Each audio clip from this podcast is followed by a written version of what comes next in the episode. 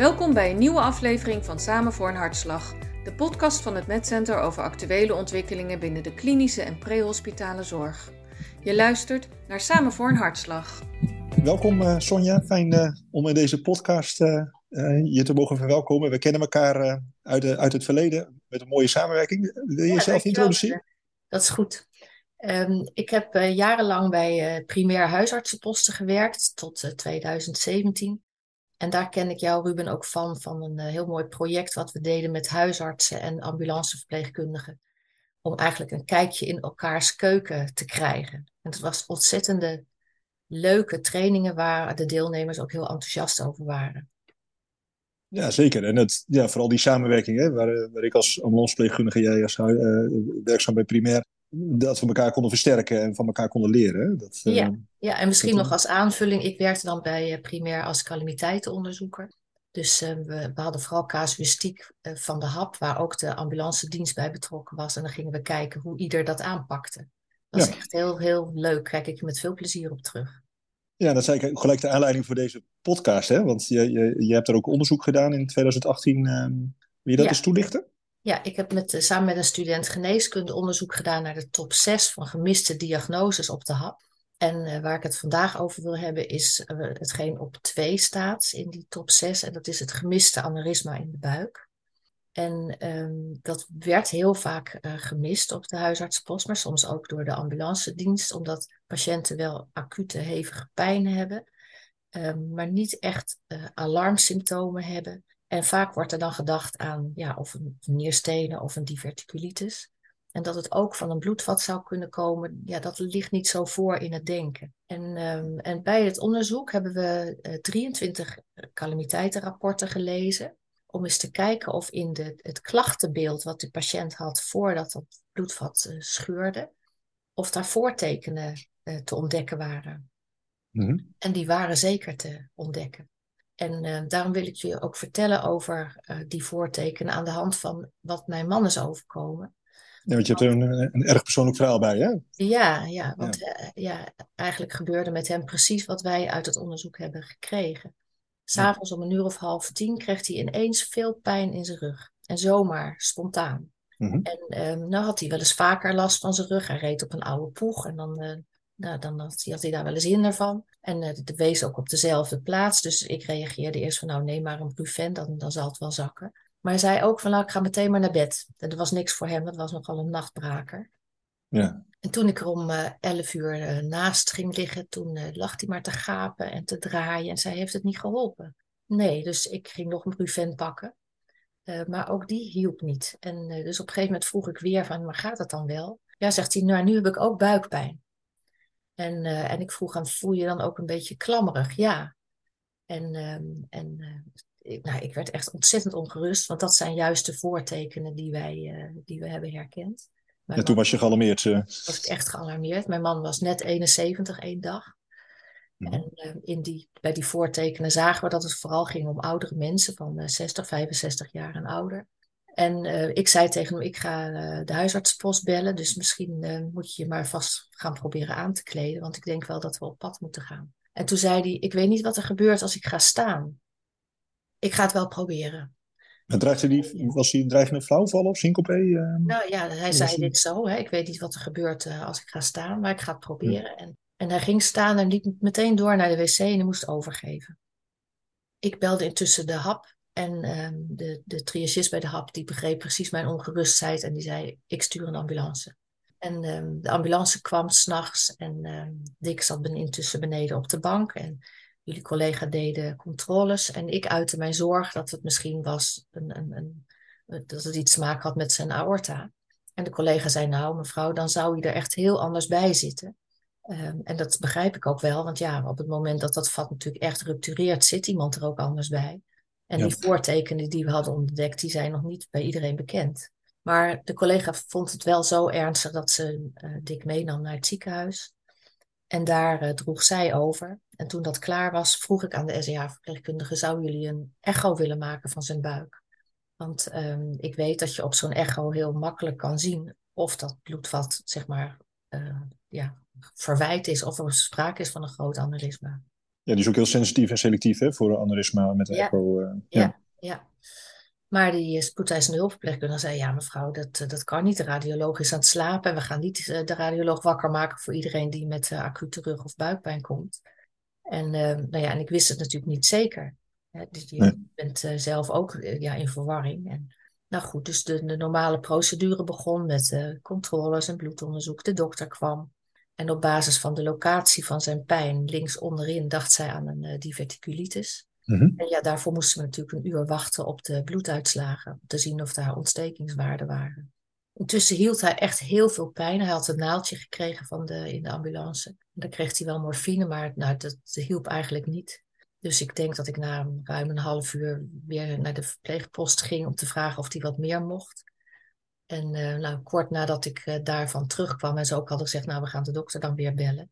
Toen eh, is Dick in shock geraakt. En ehm, toen was iedereen om hem heen en brachten ze hem gauw naar de scan en ik met de, met de arts daarachteraan in de gang.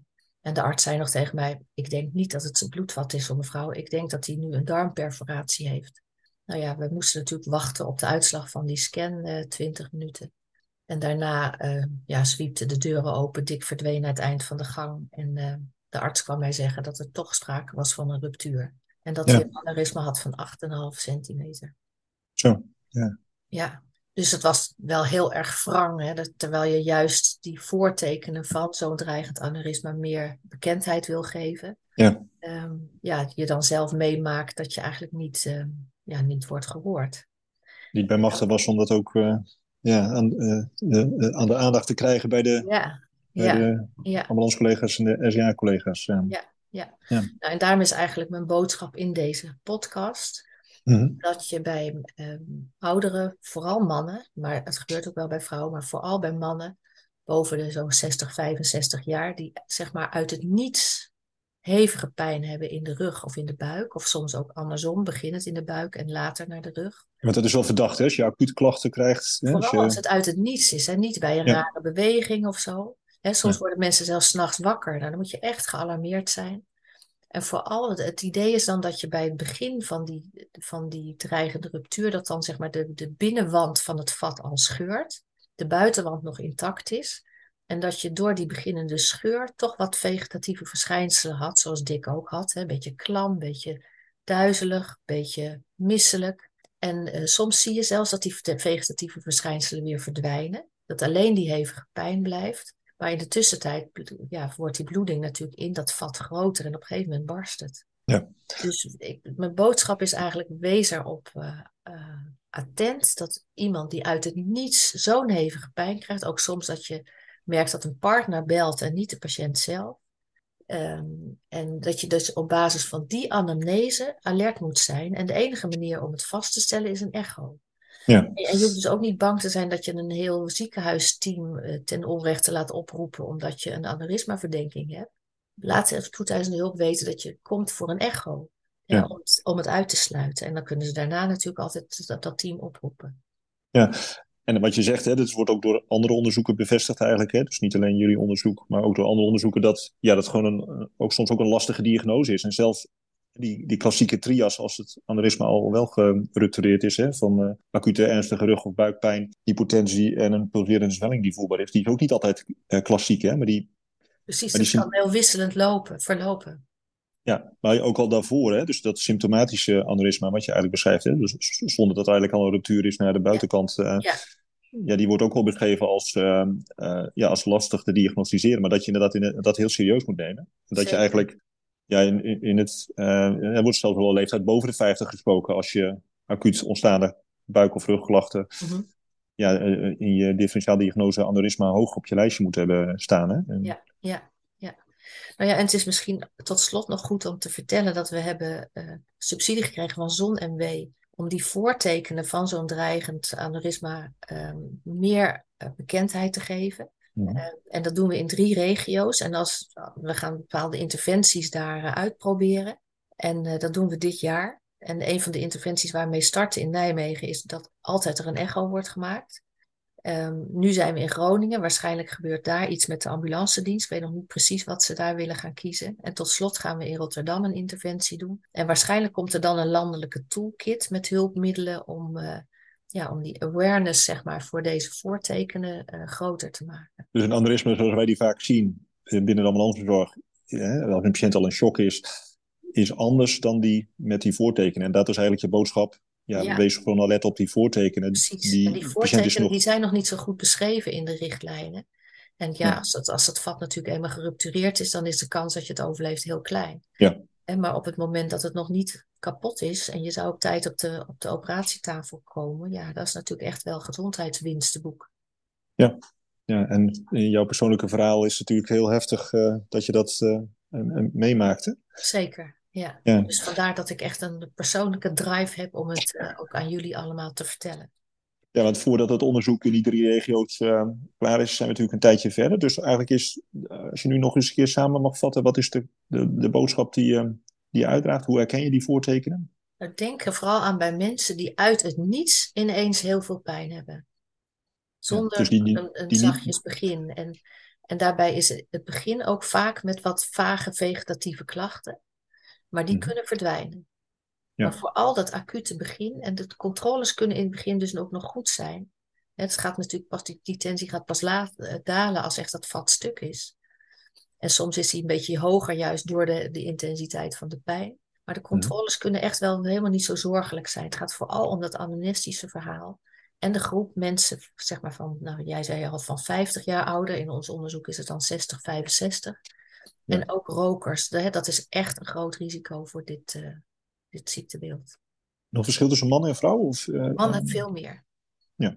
ja. Het kan bij vrouwen wel hoor. Ja. ja. En volgens is met hypertensie of vaatlijden, dat is natuurlijk ook misschien wat uh, meer alarmerend? Of ja, heb maar dat hebben wij toch niet specif specifiek zo gevonden. Nee. Um, Dick had bijvoorbeeld ook geen, geen verder hart- of vaatlijden. Nee, nee. oké. Okay. Nee. Toch een aneurysma van 8,5 centimeter. Ja, ik ken ook een onderzoek waarbij ze systematisch gekeken hebben naar de. Hè? En je kan je natuurlijk afvragen of dat ook representatief is voor de praktijk. Maar daar zagen ze ook aneurysma ook, op, uh, ook als gemiste diagnose. En uh, ja, als je naar tuchtrechtszaken kijkt en jij hebt een calamiteit onderzocht, hè, zie je ook dat, ja, dat de meest gemaakte fout toch de interpretatie is van, van de ja, verzamelde data uit je anamnese of je, je ABC of je vervolglichamelijk onderzoek. Dus daar zit denk ik de winst hè, van hoe interpreteer je nou die gegevens. Dat is in dit geval ook hoe interpreteer je dus die acuut ontstaande pijn. Precies. Dat je ABCD kan dus nog oké zijn. Ja. Maar die anamnese is verdacht. Ja. Ja. En eigenlijk, het, het is natuurlijk met een echo heel makkelijk aan te tonen. Ja, dus dat is een laagdrempelig, niet-invasief onderzoek die, ja. uh, uh, ja. die prima uh, kan. Ja. Dus daar zijn we dan ook in die projecten met de ziekenhuizen mee bezig, om, om daar zeg maar laagdrempelig zo'n echo toe te laten. Ja. ja. En als je dan, als je dan kijkt hè, voor ambulance-collega's, um, dan is een uh, ziekenhuis van keuze natuurlijk ook van belang. Hè? Kan, kan in elk ziekenhuis, ja, je wilt natuurlijk wel naar een kliniek waar ook vannacht een OK-team in huis is. Of uh, in elk ziekenhuis kan natuurlijk wel makkelijk een echo gemaakt worden, maar ook de interpretatie van die echo, wat je ook aangaf, hè, de radioloog die in huis moet komen. Is dat, ja. is dat ook nog van belang, dat welk ziekenhuis je kiest? Ja, en dat weet ik in het Utrechtse niet. Dat zouden we dan echt uh, moeten gaan verkennen. Ja. Uh, in, in, bij dat subsidietraject zijn we dus nu in Nijmegen begonnen. En daar is het afgesproken met het uh, CWZ. en in Groningen zijn we bezig om het met het UMCG rond te maken. Maar dat zijn wel dingen die nog moeten. Ja. ja. En maar als jullie al zeg maar, je, je vermoeden kunnen kenbaar maken hè, en, en dat op de SEH in ieder geval kunnen zeggen, dan ja. dat zijn toch allemaal dingen die helpen. Ja, ja, en we, we, beschrijven nu het typische verhaal. Hè? Maar wat ik, wat ik net ook al aangaf, is dat ook zelfs bij die uh, uh, duidelijke, die trias, die duidelijke drie klachten, uh, dat is ook niet altijd het geval. Dus, dus ook in het voorstadium, en er zijn zoveel problemen die in de buik kunnen ontstaan. Dus het is ook een lastige diagnose. Zeker. Maar dan, dan is de boodschap eigenlijk laagdrempelig insturen voor verdenking, snel een echo maken. Ja. En, en dat kan redelijk, redelijk simpel. ja. ja. Oké. Okay. Nou, bedankt voor dit persoonlijke verhaal, Sonja. Want ik denk dat dat uh, ja, erg leerzaam is voor ons, uh, nou, voor ons binnen de ambulancezorg, maar ook binnen de acute geneeskunde, huisartsgeneeskunde. Ja, dat, uh, zeker. Ja. ja. Ja. Nou, dankjewel voor de mogelijkheid om dit te vertellen. Ja, zeker. Jij bedankt voor het delen van dit persoonlijke verhaal. Dit was een aflevering van Samen voor een Hartslag. Volg ons op Spotify.